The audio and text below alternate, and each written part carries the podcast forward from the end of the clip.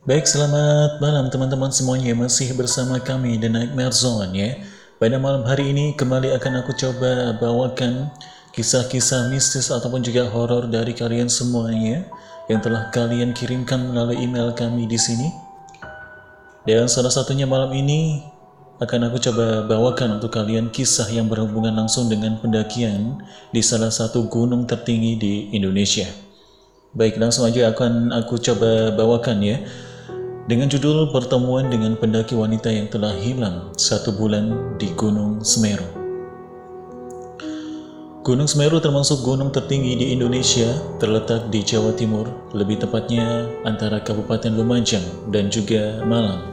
Sekumpulan pencinta alam dari Madiun, sesuai dengan jadwal yang telah mereka buat sebelumnya, mereka akan merencanakan ekspedisi ke Gunung Semeru pada saat itu persiapan telah selesai dan mereka langsung memulai pendakian pada hari itu.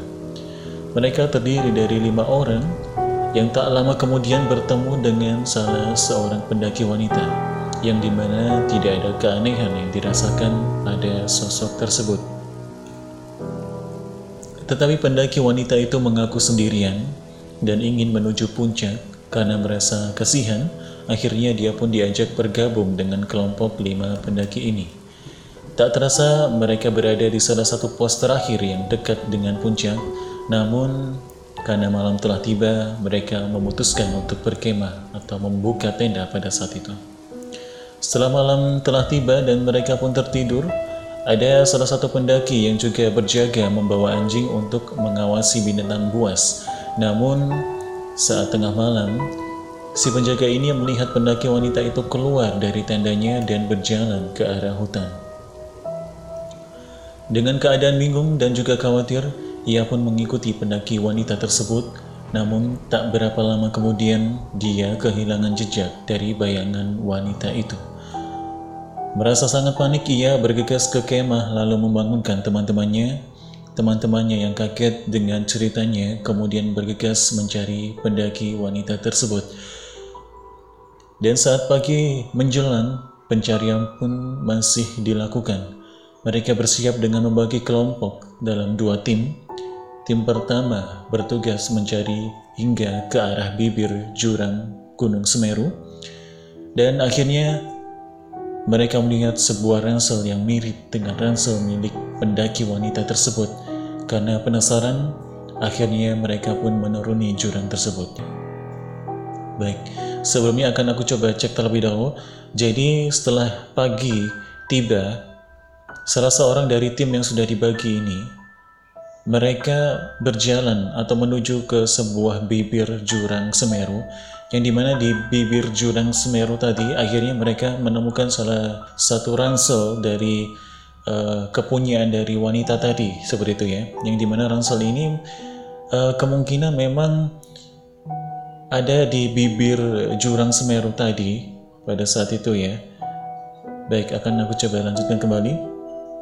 Sesampainya di dasar jurang, mereka menemukan tas ransel dan juga jasad yang sudah membusuk.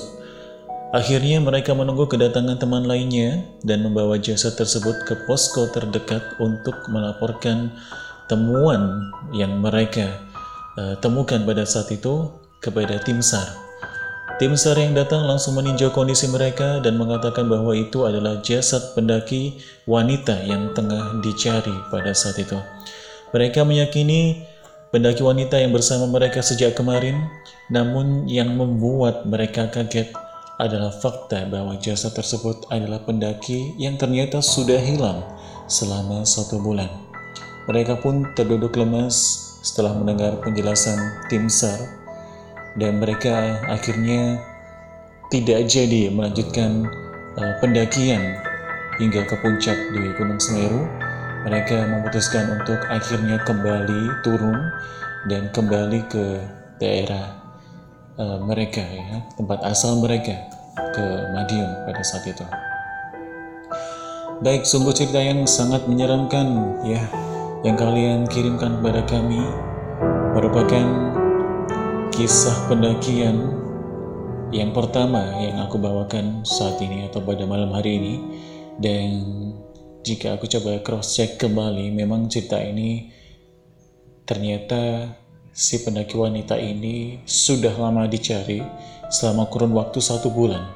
Dan akhirnya kelompok dari Madiun ini menemukannya namun sudah berupa jasad yang sudah tidak bernyawa. Baik, ya itu saja mungkin cerita yang bisa aku bawakan malam hari ini ya. Terima kasih kalian sudah mengirimkan cerita-cerita kalian kepada email kami The Night Zone dan akhirnya aku undur diri terlebih dahulu malam ini.